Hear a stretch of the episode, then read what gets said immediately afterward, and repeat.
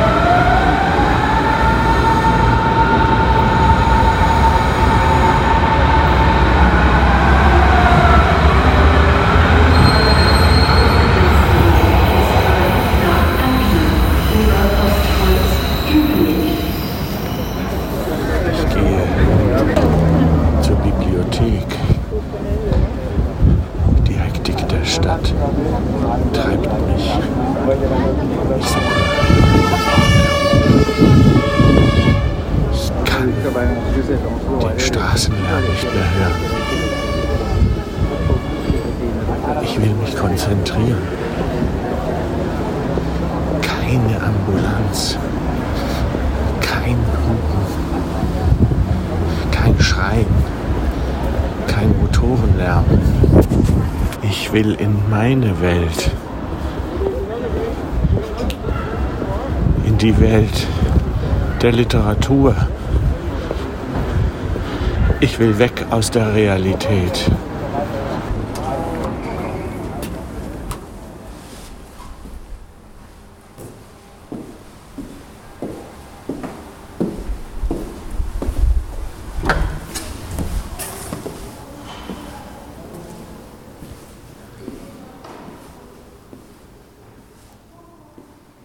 In diesem Podcast geht es um die Staatsbibliothek am Potsdamer Platz in Berlin, entworfen vom Architekten Hans Scharun und eröffnet im Jahre 1978 durch Bundespräsident Walter Scheel.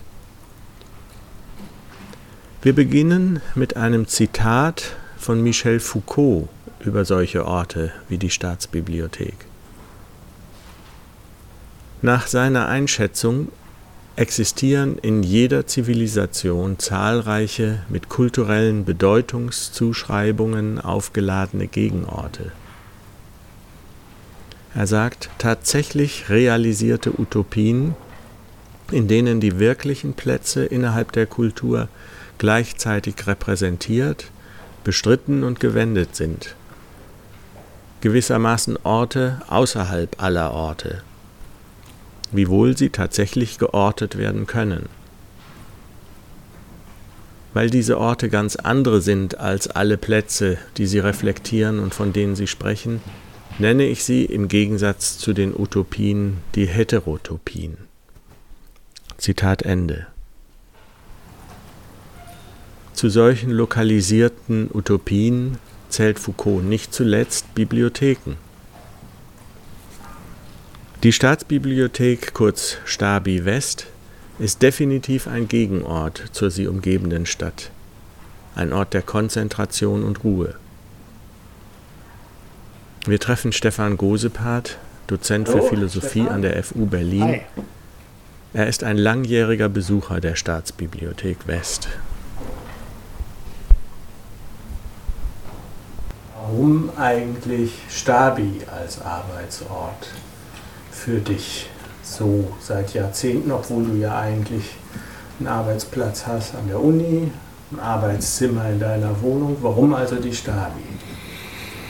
Naja, historisch hat das so angefangen, dass ich weder das eine noch das andere hatte, einen Arbeitsplatz zu Hause noch an der Universität. Ähm, dadurch hat sich eine Haltung entwickelt, die ich jetzt vielleicht mit Tunnelblick beschreiben würde. Ich gucke dann nur noch auf die Sache, die ich da bearbeite und dafür steht die Stabi für mich. Wenn ich mich da hinsetze, dann konzentriere ich mich auf die Sache, die ich da schreiben will und all die anderen Sachen, die man sonst im Büro so macht, ähm, Telefonanrufe, E-Mails, äh, tausend Sachen, die zu organisieren sind, die entfallen irgendwie. Und deshalb äh, ist die Staatsbibliothek sozusagen, nachdem ich da eine Dissertation und eine Habilitation geschrieben habe, für mich der Ort, in dem ich längere Texte schreiben kann, wo ich mich mal wirklich stundenlang um ein Thema kümmern kann und nicht nebenbei tausend andere Sachen organisieren muss. Okay, also es hat damit zu tun, dass du da also geschützt bist eigentlich von anderen Einflüssen sozusagen deines Arbeitslebens. Genau. Weshalb der Tunnelblick sich für mich einstellt und nicht in der Stabi Ost. Ich finde diesen Scharun-Raum einfach so großartig. Ja? Diese Weite ja? und diese Ruhe, dass er es geschafft hat, dass nicht jeder Bleistift, der fällt, gleich irgendwie einen Klangkörper fabriziert. Also die Umkehrung in gewisser Weise dessen, was er in der Philharmonie gemacht hat. Und deshalb kann man sich da mitten reinsetzen und es ist auch so, man wird, das gibt auch so eine Höflichkeitsform, man wird gesehen, aber nicht angesprochen und, äh, und man wird auch eigentlich nicht so richtig gehört. Also es gibt so eine, also einen anonymen Filter in dem großen Saal. Nach einer Weile erkennt man sich wieder und es sind immer die gleichen, die an den gleichen Plätzen sitzen. Und trotzdem, das war immer schon so, und trotzdem ist irgendwie Ruhe und nicht irgendwie ein, ein gesellschaftliches ähm, Treffen. Ja. Das finde ich so wahnsinnig schön und toll an dem Atmosphäre. Ich bin in der Bibliothek. Ich stehe zwischen Regalen der rechtswissenschaftlichen Abteilung. Vor mir ein Buch Media Representations of Gender and Torture Post 9-11. Konzentrierte Stille.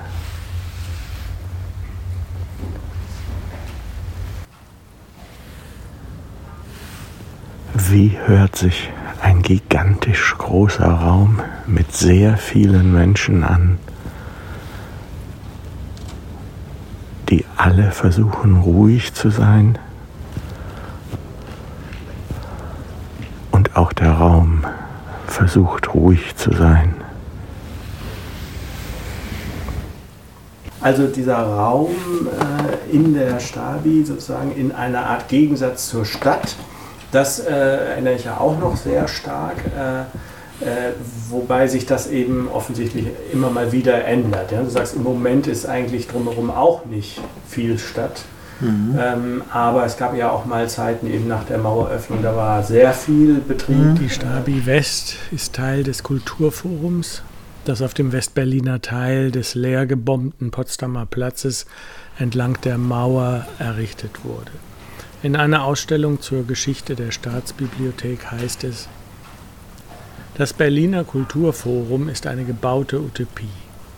Auferstanden aus Ruinen, als Westberliner Pendant zur Museumsinsel, versammelt es nicht nur einige der wichtigsten Kulturinstitutionen der Stadt in Architekturikonen der Moderne, sondern auch unzählige nicht gebaute Gestaltungsentwürfe, die sich an der Wunde einer versehrten Stadt entzünden. Nicht nur die Stabi West, sondern auch das Kulturforum selbst ist zu Westberliner Zeiten und vielleicht auch heute noch immer auch ein Ort gewissermaßen außerhalb der Stadt gewesen. Ich frage Stefan nach dem Bezug der Stabi West zu ihrer unmittelbaren Umgebung. Welche Rolle spielt ihre Lage am Potsdamer Platz im Wandel der Zeiten für die Inanspruchnahme durch ihre Besucher. Ich weiß jetzt nicht, wie weit ich in die Vergangenheit ausholen soll, aber ich kenne die ja noch zu alten Westberliner Zeiten, wo die Jurastudenten und die Medizinstudenten im August dafür ihre Staatsexamina gelernt, gelehrt haben. Und da war das ja eine Massenschlägerei, um es mal zu übertreiben. Ähm, gleichzeitig im Niemandsland, äh, direkt an der Mauer mit Blick von der Cafeteria. Das war das Einzige, wo man ja über die Mauer in den Osten gucken kann, auf den leeren Potsdamer Platz, den die DDR geräumt hat. Jetzt ist es irgendwie ähm, viel ruhiger geworden. Beim Fall der Mauer war es ja dann nochmal voll, weil äh, dann ja die ganze Polenmarkt da war und so weiter. Und jetzt inzwischen haben die Universitäten große Bibliotheken. Ähm, die Oststabi ist offen, die eine viel größere Rolle spielt, weil die für die Studenten, die jetzt in den hippen Vierteln wohnen, natürlich viel näher ist. Stabi West ist einfach irgendwie äh, völlig abseits von allen Verkehrswegen für Studenten. Und das Gleiche ist jetzt nochmal nicht nur durch die Pandemie ist es leer, sondern es ist jetzt auch so, es ist jetzt wieder eine Wüste, aber jetzt eine Betonwüste. Also die DDR hatte den Potsdamer Platz leer gesprengt ja, und staubig gemacht. Aber jetzt ist es so, ähm, der wieder, also der aufgebaute Potsdamer Platz, da ist das, äh, die Arkaden, glaube ich, so heißen die Potsdamer Arkaden, werden umgebaut.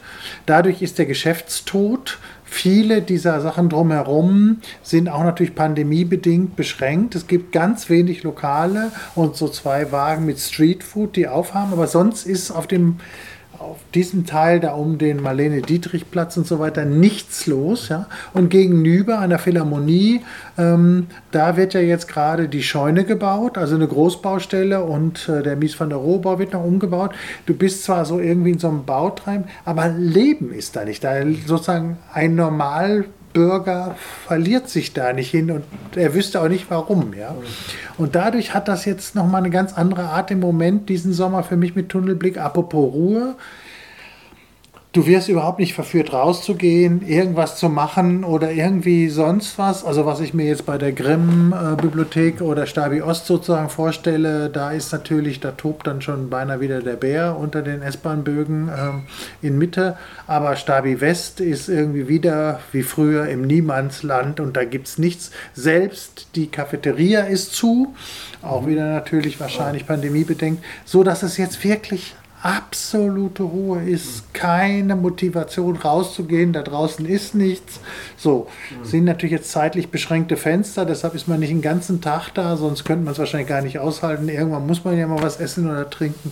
Aber es ist wirklich eine Insel der Ruhe in einer Großstadt, ähm, die ja gerade was Bautätigkeiten angeht, jetzt irgendwie auch mit der Scheune gegenüber irgendwie ähm, wahnsinnig weitergemacht hat, aber gleichzeitig natürlich jetzt pandemiebedingt auch irgendwie wieder geschlossen hat. Also genau diese Doppelung aus wahnsinniger Bautätigkeit wie immer in Berlin und gleichzeitig sozialer Schließung kann man da gut im Umfeld erleben und dann ist man auf einmal in der alten, schönen Stabi West. Die Ruhe, für die die Stabi steht, im Gegensatz zur Stadt, hat also sowohl bauliche Gründe als auch Beides würde ich sagen. Also der, also auf jeden Fall baulich. Ich meine, ich glaube, das ist einfach wirklich, der Sharon hatte da offenbar ein Händchen für, äh, ich kann nicht erklären wie, aber er muss ja für eine Akustik irgendwie besonders äh, ähm, sich äh, interessiert haben und das irgendwie gut umgesetzt haben. Das andere ist, das war ja in gewisser Weise, glaube ich, immer so, die Stabi West war ja immer out of the way. Also so, ähm, das war ein extra Angang. Und ich glaube, die Leute, die diesen extra Angang gemacht haben, hatten nochmal, das ist jetzt eine pure Interpretation, noch einmal eine extra Ernsthaftigkeit. Die wollten was anderes als schnell mal in die Bibliothek zwischen zwei Vorlesungen für eine Stunde, wo man den Eindruck hat, man muss die, die Zeit an der FU totschlagen, weil die Fahrzeit so lang ist und jetzt hat man zwei äh, Stunden oder anderthalb frei und dann geht man in die Bibliothek und macht schnell seine Hausarbeit. So, das ist eine andere Geschäftigkeit. Die Stabi ist also mit den Worten Foucaults ein Ort außerhalb des Ortes, auch im ganz konkreten städtebaulichen Sinn. Aber was ist mit dem Innen dieses Ortes?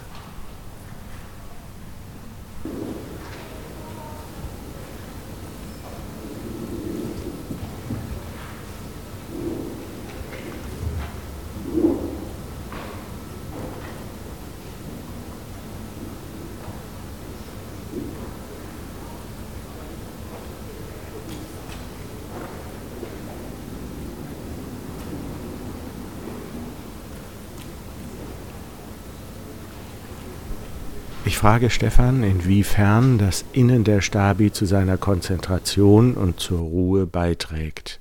Dann bringt mich das zu der Frage, wie ähm, gelingt es, dass also in der Stabi zum, also Ruhe herrscht, mhm. obwohl ja eine Gemeinschaft von Menschen da ist und arbeitet. Das ist ja äh, dann äh, etwas sehr Besonderes. Mhm. Und da gibt es Regeln. Das genau, aber ich glaube, so wie in jeder Bibliothek, man soll natürlich ruhig sein, darf sich eigentlich nicht unterhalten. Da wird man auch normalerweise von den anderen Leuten angemacht, wenn man es doch tut. Ich meine, ein paar Worte wechselt man dann schon, aber wenn das sich aus wenn das ausartet, wird man gemahnt von anderen, ja, dass man den Raum verlassen soll und so weiter. Das finde ich auch völlig richtig. Dadurch gibt es, und die Leute halten sich eigentlich an die Disziplin. Ja. Also das ist, glaube ich, und es gibt natürlich auch äh, Leute von der Stabi, die das überwachen, dass da keine, kein Lärm passiert und dass die Leute sich an die Regeln halten. Scheint nötig zu sein. Äh, aber ich habe den Eindruck, die, die Selbstdisziplinierung der Leute ist in der Regel auch gut genug jeder anders, aber ich will ja die Leute sehen. Mein ein Effekt für mich jetzt ist auch so, ich sehe viele andere, jetzt ist nicht viele, aber unter Vollbedingungen sind es viele andere, die auch arbeiten. Mhm.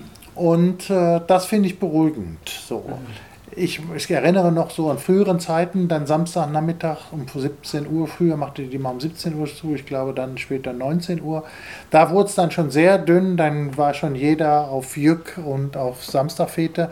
Das war dann, das war dann so, da zu sein, war dann so einsam. Dann hieß es so ein bisschen, du bist so der Letzte, der jetzt für heute Abend kein Date hat. So.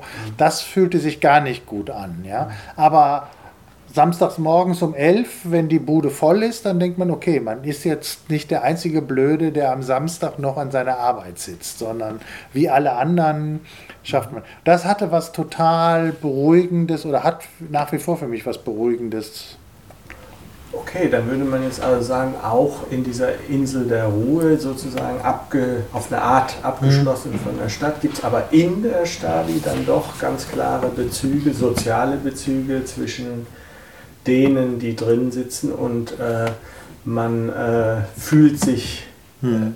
mit denen, mit den anderen gemein sozusagen, ja, in der Arbeitsgemeinschaft. Energische Schritte. Ich sehe jemanden gehen. Es sind ungefähr 200 Meter.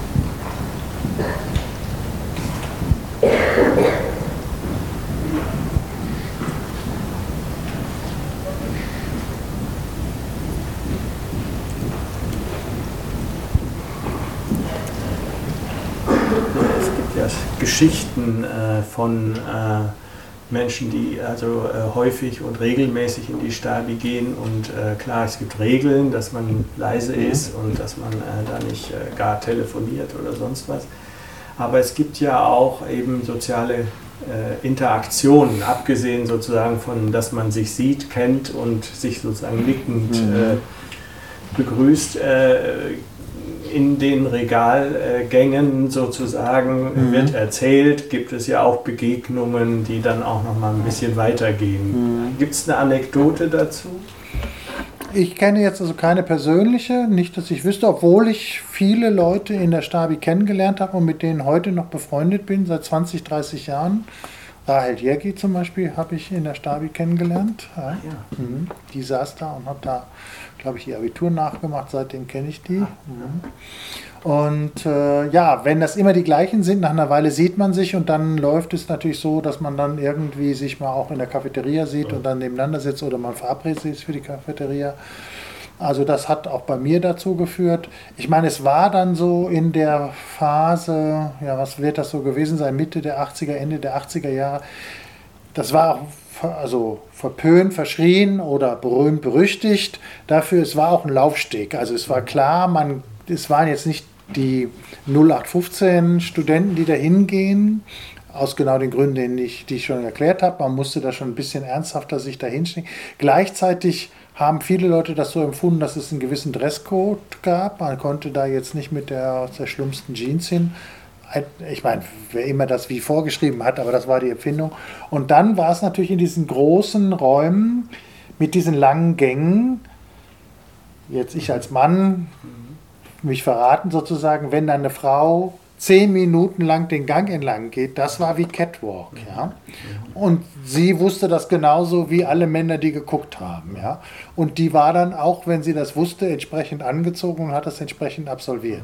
Und das war dann wiederum bei bestimmten Leuten natürlich total verschrien, dass wenn man diesen Catwalk nicht machen konnte oder sonst was oder nicht wollte, man in der Stabi irgendwie verkehrt war. Also deshalb gab es auch so Phasen, wo die Leute gesagt haben, da kann man nur hin, wenn man diese Phase hat. Es gibt natürlich auch Gerüchte, habe ich auch gehört, dass das ein Heiratsmarkt war, ja genau, also weil Leute sich da kennengelernt haben. Ich glaube, ich weiß jetzt nicht richtig von der Ehe, aber also wie, von Freundschaften kann ich selber berichten und äh, die auch noch bis heute halten. Und ich kann mir das gut vorstellen, dass das natürlich auch ähm, sexuell irgendwie, also im Sinne von, man fand jemanden attraktiv und dann gab es natürlich die Möglichkeit, wenn der oder diejenige jeden Tag da war, war das, weil es in der Wüste war damals noch, ja, vor 89, ähm, gab es nur die Cafeteria. Ja? Und dann musste man nur das richtig abpassen, äh, dass man ihn oder sie in der Cafeteria traf und dann sich daneben gesetzt hat, wenn das nicht in der großen Clique war und gefragt hat, okay, kann ich mich daneben setzen?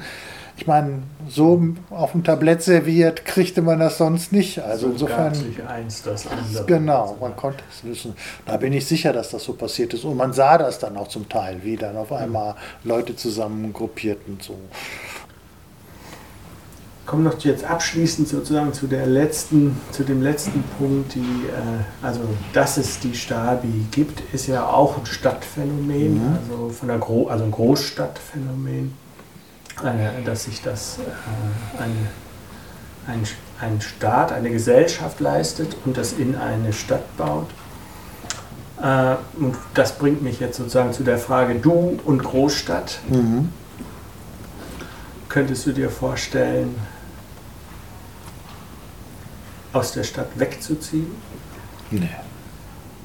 Ich bin ganz glücklich, dass es eine Großstadt ist. Ich wohne ja auch mittendrin, selbst wenn es West-Berlin ist, ist es noch mittendrin.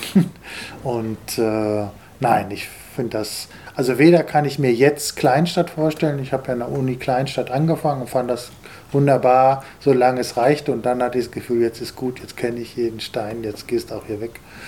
Nee, dass die, diese die Vibration, the Vibration sozusagen einer Großstadt finde ich total wichtig und das stimmt natürlich auch und genau das, die Staatsbibliothek, das war auch während meiner Dissertation und Habilitationszeit immer so, tagsüber abgeschottet sein, man will sein Ding machen, aber dann will man eben auch noch mal Leben mitkriegen. Ich wollte jetzt nicht 24 Stunden Dissertation schreiben. Ich hätte ja auch also ein Freund hat mir mal gesagt, kannst nach Bergen gehen, da ist ein halbes Jahr dunkel und dann stellst du dich in die Bibliothek und da kannst du ungestört von allem deine Dissertation schreiben.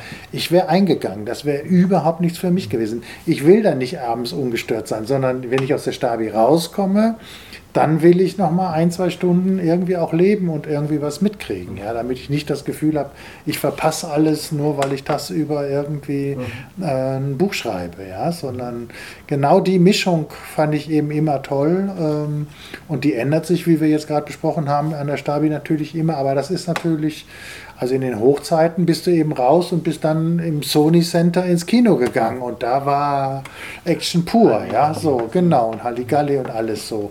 Und das finde ich dann auch wieder toll. Du kommst irgendwie aus dem Tempel der geistigen Muße sozusagen raus und bist dann aber mitten im Leben. Das finde ich jetzt eigentlich, so war es von Charun gar nicht geplant, sondern eher als Abschluss. Aber das fand ich jetzt auch ein schöner Dreh eine Weile mhm. lang. Ja.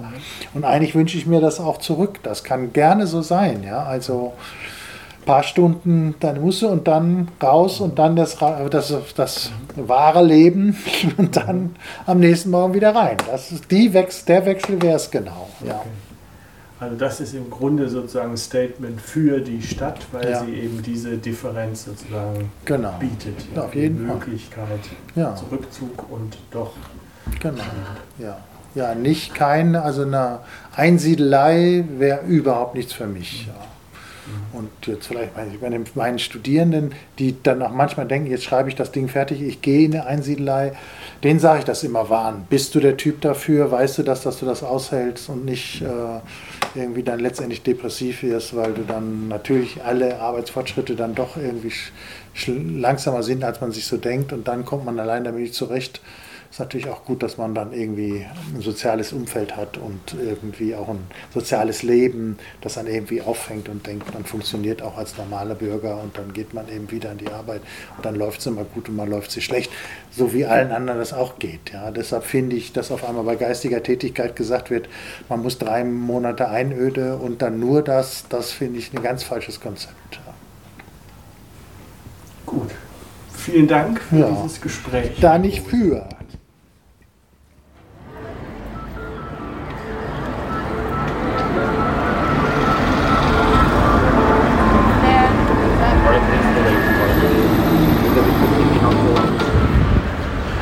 Wieder auf der Straße. Die Stadt hat mich wieder. Es ist fast ein wohltuendes Gefühl nach dieser Stille.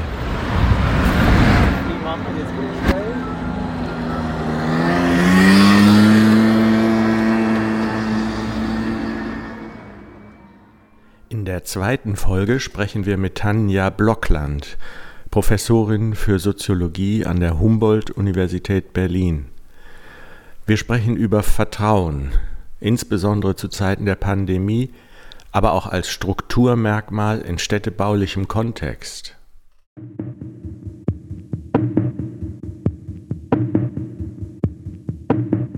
Komm mir nicht zu nah.